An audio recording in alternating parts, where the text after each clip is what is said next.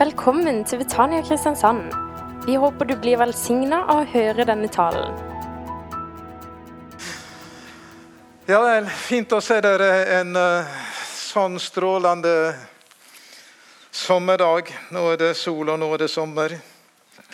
Og vi er samla her i Betania og hørt nydelig sang allerede.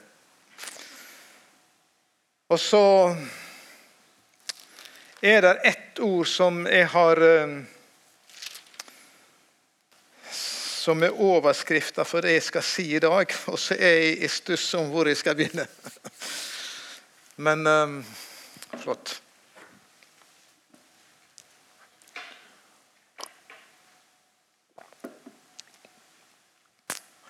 Men jeg, jeg, begynner på begynnelsen, der jeg tenkte å begynne. Overskrifta av det jeg skal si noe om, prøver i alle fall, det er kort og godt det ene ordet praksis. Praksis. Vi vet jo det at uh, i uh, alle slags yrker så, så uh, er det jo en teori som ligger bakom. Og så er det jo en praksisdel som må utføre. Og det er jo klart Når vi hører på Ronny her som spiller, så, så, er det jo ikke nok at han vet at han skal trykke på den eller den strengen for å få fram en E eller G eller F eller E-mål eller hva det måtte være. Men det er jo praksisen som gjør at det, det lyder så bra som det, det gjør. ikke sant?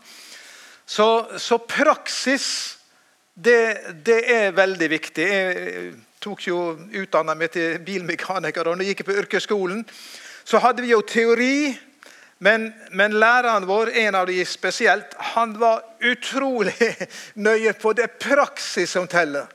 Det praksis, Dere må gjøre det riktig. Det nytter ikke bare å ha det i hodet. Dere må vite, og dere må vise hvordan dere gjør de forskjellige ting. Og Praksis det hører med også til kristenlivet. Kristenlivet sitter ikke i hodet at vi kan en del om det kristne budskap osv. Det er jo basisen at vi får høre evangeliet og komme til tro. Men, eh, men det er viktig. Kristen liv er jo liv som skal leves. Og det, Dermed så har det med praksisen å gjøre. Og det er jo sånn at eh, Hvis vi tenker tilbake på menighetslivet, og sånn, så har jo det forandra seg en del opp gjennom 30-40 år siden. Så var det litt annerledes. Så vi forandra en del praksis opp igjennom ettersom tida går. Og Det er jo både greit og det er nødvendig. Men så er det en del praksiser som vi ikke skal forandre. Det er noen praksiser som Bibelen har lagt ned for at vi skal praktisere dem. Så det blir vår praksis. Og Nå skal jeg si litt om de praksisene som noen Der er jo mange. Men jeg skal prøve å, å komme i mål på noe, i alle fall. Og Da skal vi konsentrere oss om menigheten i Filippi. Eh, om hvordan den begynte, og hvordan eh, Paulus skriver brev til den ca. tolv år etterpå at han grunnla menigheten. Og Hvis vi begynner med begynnelsen, så var det jo slik at Paulus på sin andre misjonsreise så hadde han med seg Silas og etter hvert også Timotius. Og så dro de på denne lange misjonsreisa, reiste gjennom land og osv. Og, og kom helt til Troas. Og var, De var tenkt å reise ned til Asia, oppå der, men eh, Jesu ånd gav oss ikke lov, skriver Paulus. Eller Lukas i apostelgjerningene. Og så var det slik at når de var i troa, så fikk eh, Paulus et syn om natta. Han så en makedonier som sto der, og så ropte han 'Kom over og hjelp oss'. Og Med en gang eh, dagen etterpå så søkte de å komme seg av gårde til Europa. Og Så kommer de omsider til Filippi, og der, ønska, og der, der begynte Paulus å etablere en menighet. Og Det er interessant hvordan han gjorde det. Vanligvis hadde han jo gjort det slik at han oppsøkte eh, jødenes synagoge. Men i Filippi var det ingen jødisk synagoge. Så han tok litt sånn ressurs og tenkte hvordan skal jeg begynne å evangelisere her. Og Da hørte de at eh, det var et bønnested nede ved elva. Og Der var det spesielt en del kvinner som, som samla seg. Så på, Da tenkte Paulus at på sabbatsdagen nå må vi gå dit og så må vi treffe disse kvinnene. Og det gjorde han. Og De eh, var i bønn til Gud, men så benytta Paulus anledningen og begynte å forkynne evangeliet. Og Han forkynte evangeliet om Jesus. Og Da var det ei spesiell kvinne som, eh, som vi leser om eh, der. Når hun, hun heter Lydia, og hun var purpur, handla med purpurtøy. Og Purpurtøyet det var jo et, et eksklusivt, dyrt tøy. Så denne, denne eh, kvinna eh, eh, Lydia, selvfølgelig hun, Det står om henne at, at Gud han opplot hennes hjerte når Paulus forkynte evangeliet. Og når, når han forkynte der, da, så hørte de evangeliet. Og så står det at denne kvinna Lydia, når Herren opplot hennes hjerte, så tok hun imot evangeliet og ble frelst. Og så står det videre og så ble hun døpt med alle sine. Så alle disse her, eh, Familien hennes de kom til tro. Hun var velstående, hun hadde et stort hjem. Og Paulus og hans følge de bodde hos, eh, hos Lydia etter hvert. Så denne, Dette evangeliet det nådde altså den, hva skal vi si, den eksklusive eliten i Filippi. De velstående. Og de trenger også evangeliet. Uansett hvem vi er, høyt eller lav, så trenger vi evangeliet. Og Hun tok imot evangeliet, og så ble hun døpt til Jesus Kristus. Litt seinere, når de går nedover til dette bønnestedet, så opplever de at det der er ei, ei slavekvinne, ei jente som er slave. Altså hun, hun tilhører jo ikke seg sjøl engang. Hun, hun, hun, blir eid av slaveeieren. Hun tilhører det absolutt laveste på den sosiale rangstigen. Hun eier ingenting, har ingenting, kan ikke bestemme noen ting. Men hun har en spådomsånd i seg. Og Denne spådomsånda den brukte hun og så tjente eierne penger på henne. Men eh, når hun eh, da opplever at Paulus og dette følget, så begynte hun å gå etter dem, og så begynte hun å rope og skrike etter dem. Og Etter hvert så ble Paulus ganske harm på det her. og Så snur han seg mot henne og så taler han til ånden, spådomsånden, og så ber han den å vike i Jesu Kristi navn. Og på timen ble hun fri. Og når eh, slaveeierne, eh, han som eide denne kvinnen, da oppdaga det her, så ble han, forsto han at nå tjener jo han ikke mer penger på henne. Så det ble et veldig oppstyr. Og de dro Paulus og Silas opp til torget, til dommerne der. Og de piska de og slo de og fikk satt de i fengsel. Og fangevokteren, som vi vet, han, han eh, fikk jo beskjed om å, å, passe godt på dem. og Han tok dem med inn i det innerste fangehullet. Og Så lenka han dem fast i stokken. Beina der lå de. Beina var låst i en stokk, og de kom seg ingen vei. Og Så skjer jo det som vi har hørt, de som leser Bibelen mange ganger, at eh, mens de lå der på midnattstida, da, så holdt Saulus, eller Paulus og Silas bønn og lovsang. Og Det kunne vært spennende å høre hva de sang. Kanskje det var noe à la Oh, happy day. Men i alle fall så var det noe som, eh, som eh, lovpriste Jesus for evangeliet. De hadde fått oppleve og når de lå der inne i, i dette fangehullet. Og Da kom der et jordskjelv, sånn at eh, fengselets dører de åpna seg. Alle portene de åpna seg, og, og lenkene og, og, alt det her de var surra med, det sprang opp. Og Så kom fangevokteren og så spurte han, gode herre, hva skal vi gjøre for å bli frelst? Og Så sier eh, Paulus du skal tro på den Herre Jesus Kristus. Og så skal du få oppleve frelsen. Og Fangevokteren han tok imot Jesus der ved midnattstid Når, eh, det var jo slik at, eh, at Fangevokteren han, han, ville jo drepe seg sjøl, for han tenkte at alle fangene var, var stukket sin vei når portene var åpne. Men, men Paulus hindra han i det, og så fikk han eh, oppleve å ta imot Jesus. Han sier, 'Tro på Herren Jesus, så skal du og alle ditt hus bli frelst'. Og Så forkynte de Herrens ord for han og hele familien. Og så står det der etterpå så ble de døpt med alle sine. Altså Det var en praksis at de hadde tatt ved troen på Jesus Kristus, og så ble de døpt. Døpt til den Herre Jesus Kristus. Reist opp for å vandre og leve i et nytt liv. Det var praksisen som de hadde.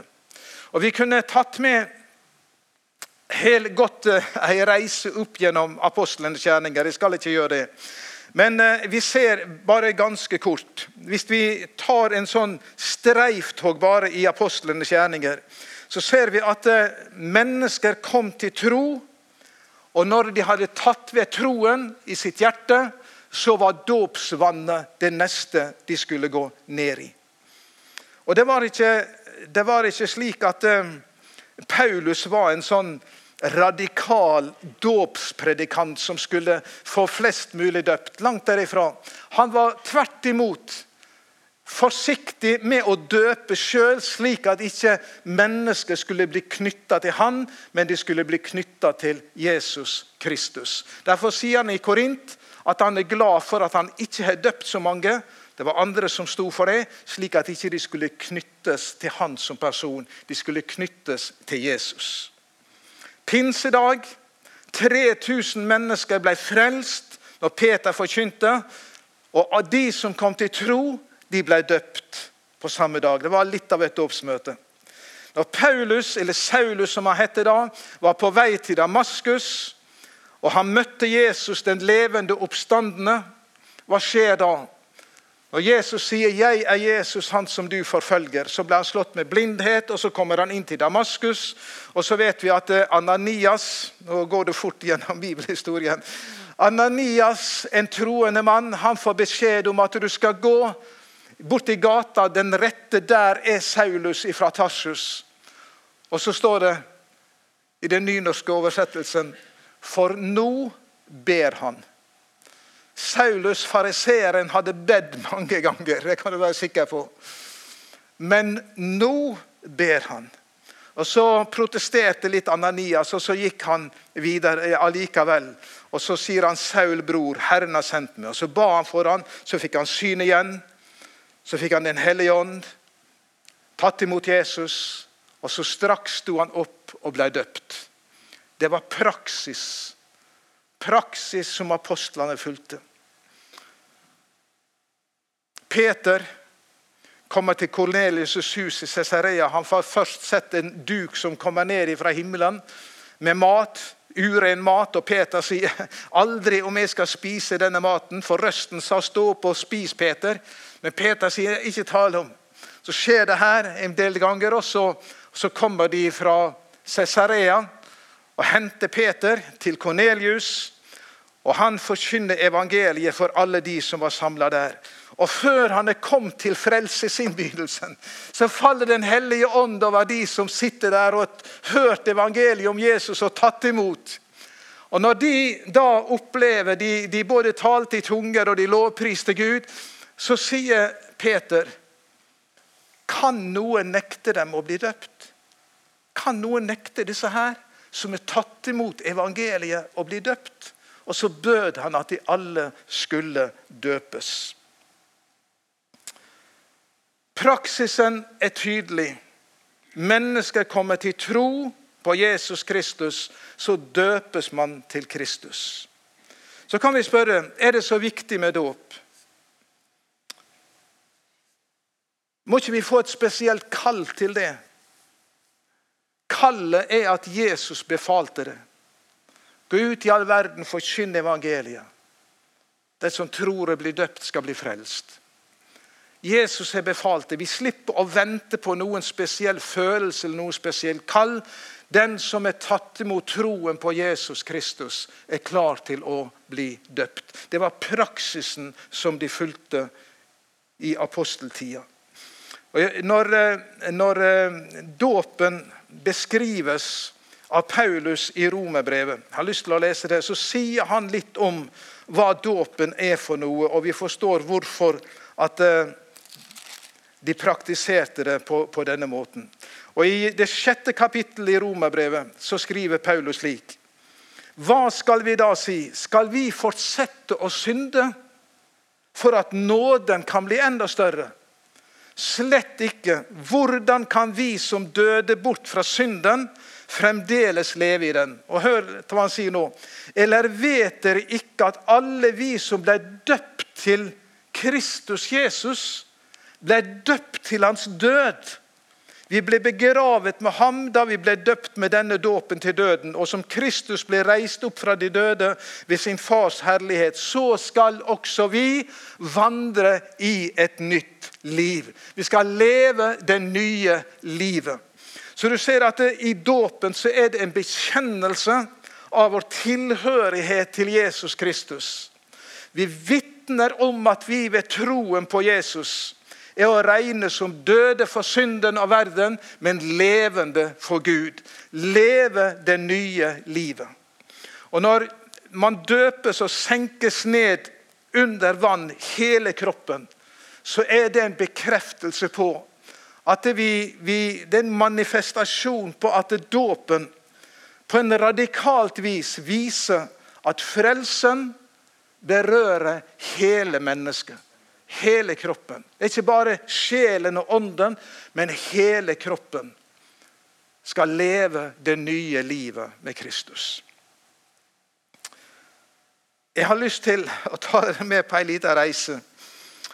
Til, eh, bare for å vise hvordan den unge menigheten ble ung, På 300-tallet i Milano så var det en i sentrum den store kirka, som rammer 3000 mennesker.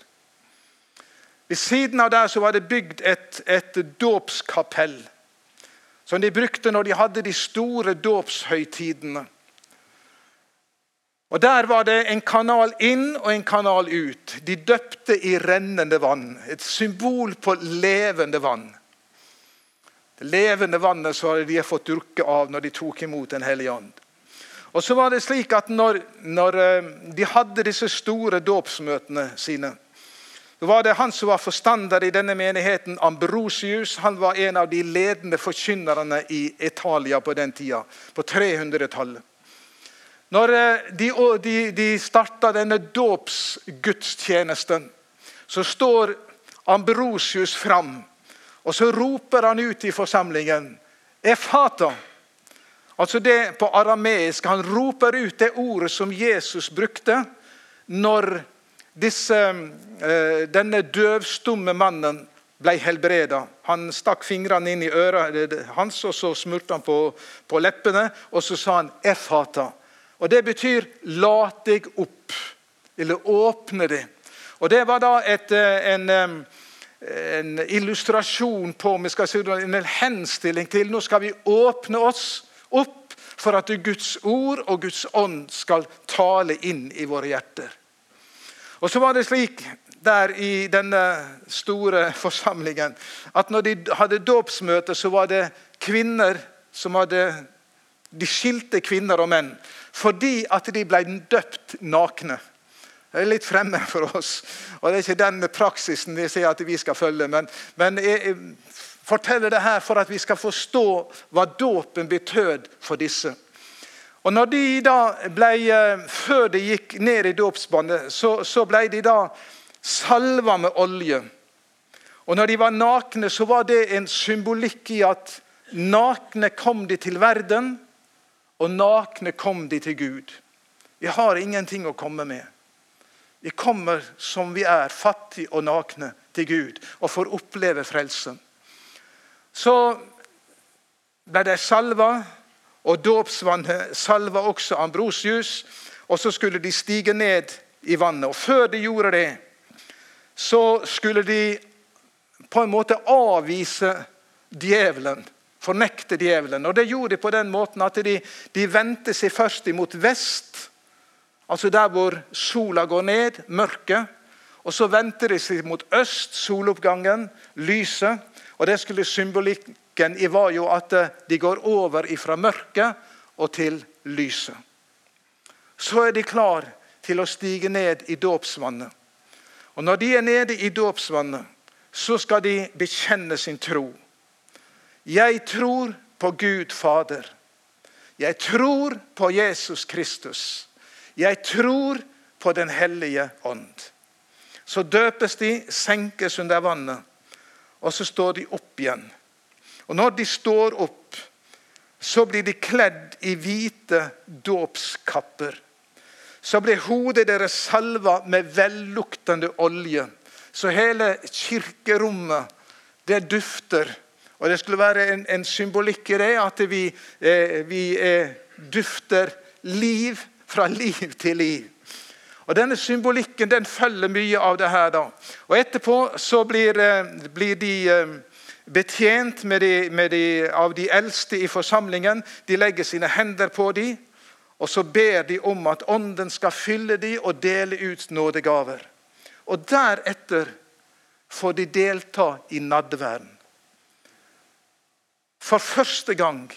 Ingen andre fikk delta i nadverden som ikke var døpt. De som ikke var døpt, måtte forlate kirka før nadværen. Og Det viser hvordan de praktiserte Jeg sier ikke vi skal praktisere alt det der, men, men det som er kjernen i det Du kommer til tro på Jesus Kristus. Du døper deg til ham, du senkes ned i dåpsgraven. Symbolikken og, tilhørigheten til Jesu Kristi død og oppstandelse for å leve det nye livet. Praksis. Praksis. Går vi til Filippa-brevet. Da er det gått tolv år, som jeg nevnte. Paulus han skriver til filipperne.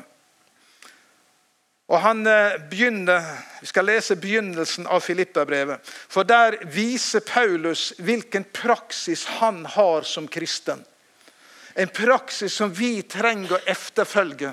En praksis som vi trenger å praktisere dag etter dag, om du vil.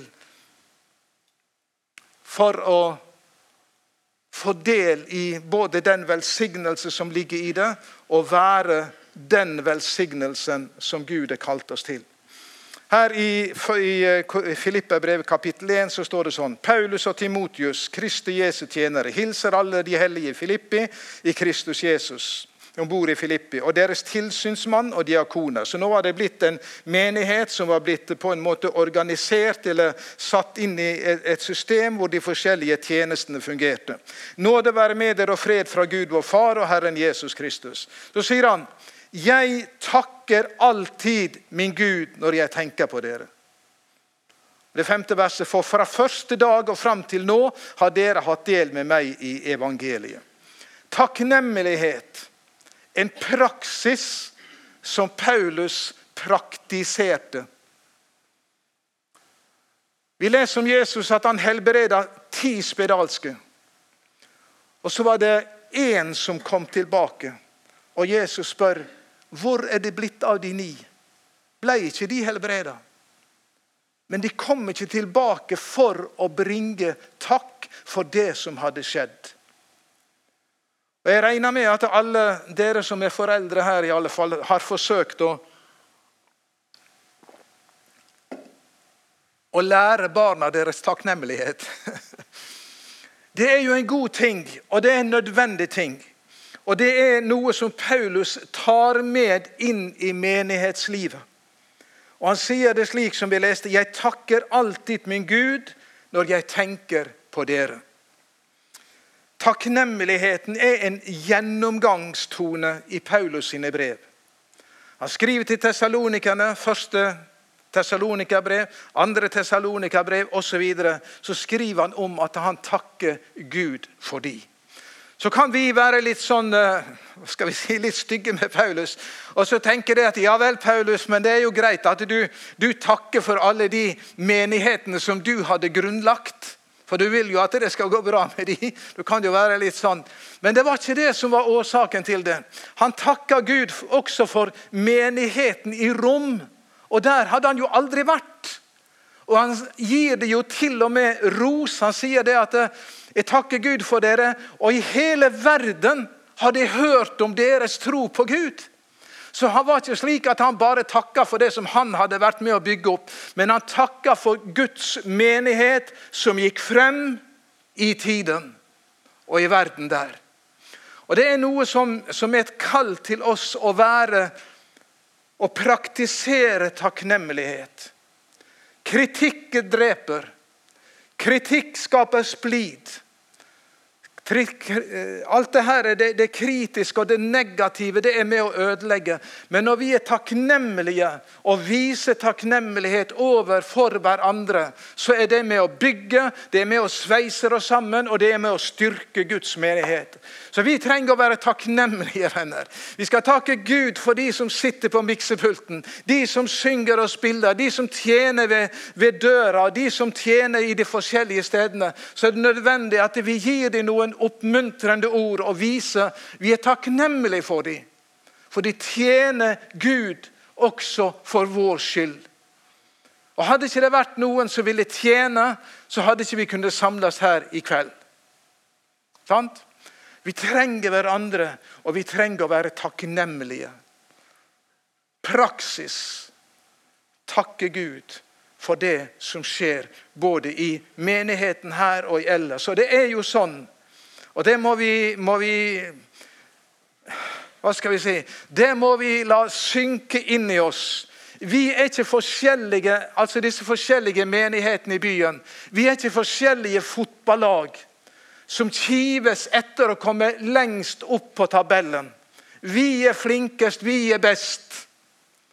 Men vi er ett lag som er med å samle for evangeliet for Jesus Kristus. Så vi skal takke Gud, bør være vår praksis. Jeg takker Gud for de som samles i kirka. Jeg har sagt det før et eller annet sted her i Betania, kanskje det var formiddagstreff. Men eh, når jeg drev og jogga litt, og, og, og, vi hadde jo møte på søndagene her, og har jo det, så hendte det at jeg jogga litt på, på kirketida. Og jeg så jo på Søm, der er jo frikirka, misjonskirka, statskirka, og det kryr av biler og folk. Skulle jeg tenke da Fortærende òg at ikke det skjer i Betania, at ikke det er så mange i Betania. Skulle jeg tenke det? Skulle jo ikke det. Men jeg kjenner når jeg sprang der forbi og har gjort det noen ganger, så kjenner jeg takk, gode Gud, for alle de i Kristiansand som samles til Guds hus, som samles for å høre evangeliet. Om det er statskirka, frikirka, misjonskirka eller hvilken kirke det er nå, så er det samme folket vi er, og samme frelse vi er fått del i. Og vi må være rause med takknemlighet. Og gjerne oppmuntre de som det lykkes godt for. Det er en praksis, en paulinsk og en apostolisk praksis. La oss huske det. Og I neste vers så sier han noe av dette som, eh, som eh, vi hørte her til eh, innledning om bønn. Han sier alltid i alle mine bønner ber jeg for dere alle med glede. Han hadde et rikt bønneliv, en praksis i å be. Og Paulus sine bønner ser vi de favner så vidt. Det var lest her, Runo nevnte i alle fall, hvordan han skriver til, til eh, Timotius at vi skal be for kongen, de som er i høy verdighet osv. Så, videre.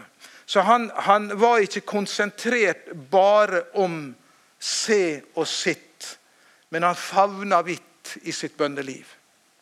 Det er en utfordring for oss, både når vi ber privat og når vi er samla til bønnemøte løfte blikket litt og se på alle bønneemnene. Vi skal be for bønnebarna, som, som det var nevnt her. Og vi skal be for alle disse her. Fordi at Paulus han visste, sammen med Jakob, som skriver sitt brev, at bønn har stor kraft i sin virkning.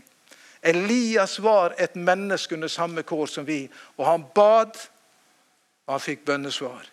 Og vi skal be med tro og tålmodighet. Det skal være vår praksis.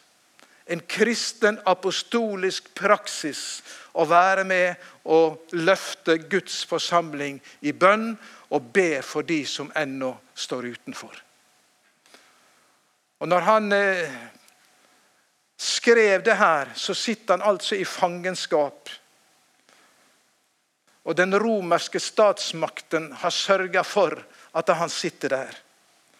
Og så Allikevel så skriver han om å be for de som er i høy verdighet. Enten det er konger eller keiser eller hvem det måtte være. Så kan vi grue og gremme oss over det som skjer både i det ene og det andre. Men vi har en makt, vi har en praksis vi kan praktisere, som kan være med og forandre situasjoner.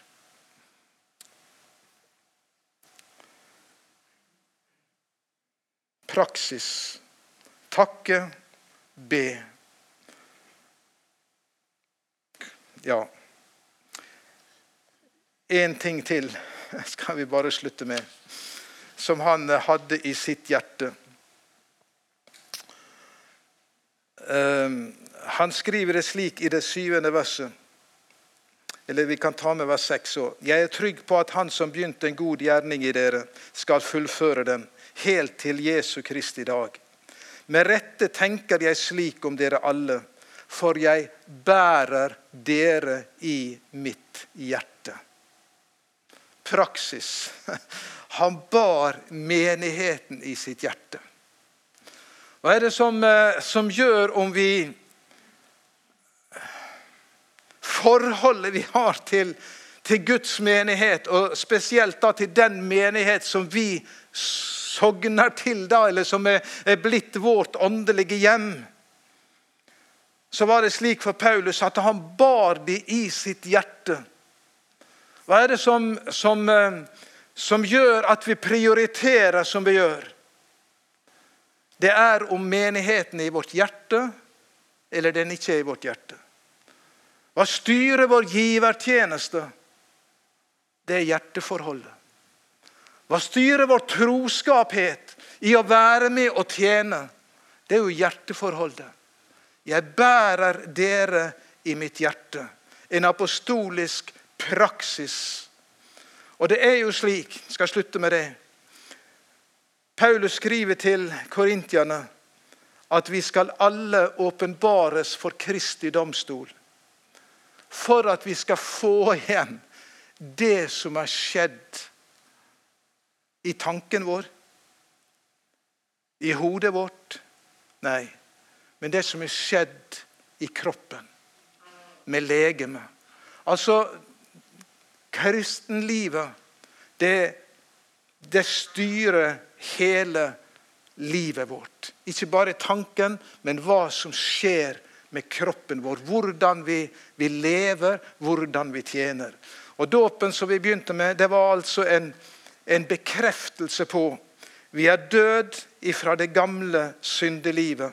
Vi er reist opp med Kristus for å leve det nye livet. Og Jesus sa, 'Og jeg er med dere alle dager' inntil verdens ende. Praksis. Hva er din praksis? Hva er min praksis? Det er ting vi kan spørre oss om. Og vi ber om nåde til at vårt liv og vår praksis er i overensstemmelse med den apostoliske praksis vi leser om i denne boka her. Amen. Du har nå hørt en tale fra Betania Kristiansand. For mer informasjon kan du besøke våre hjemmesider på betaniakrs.no.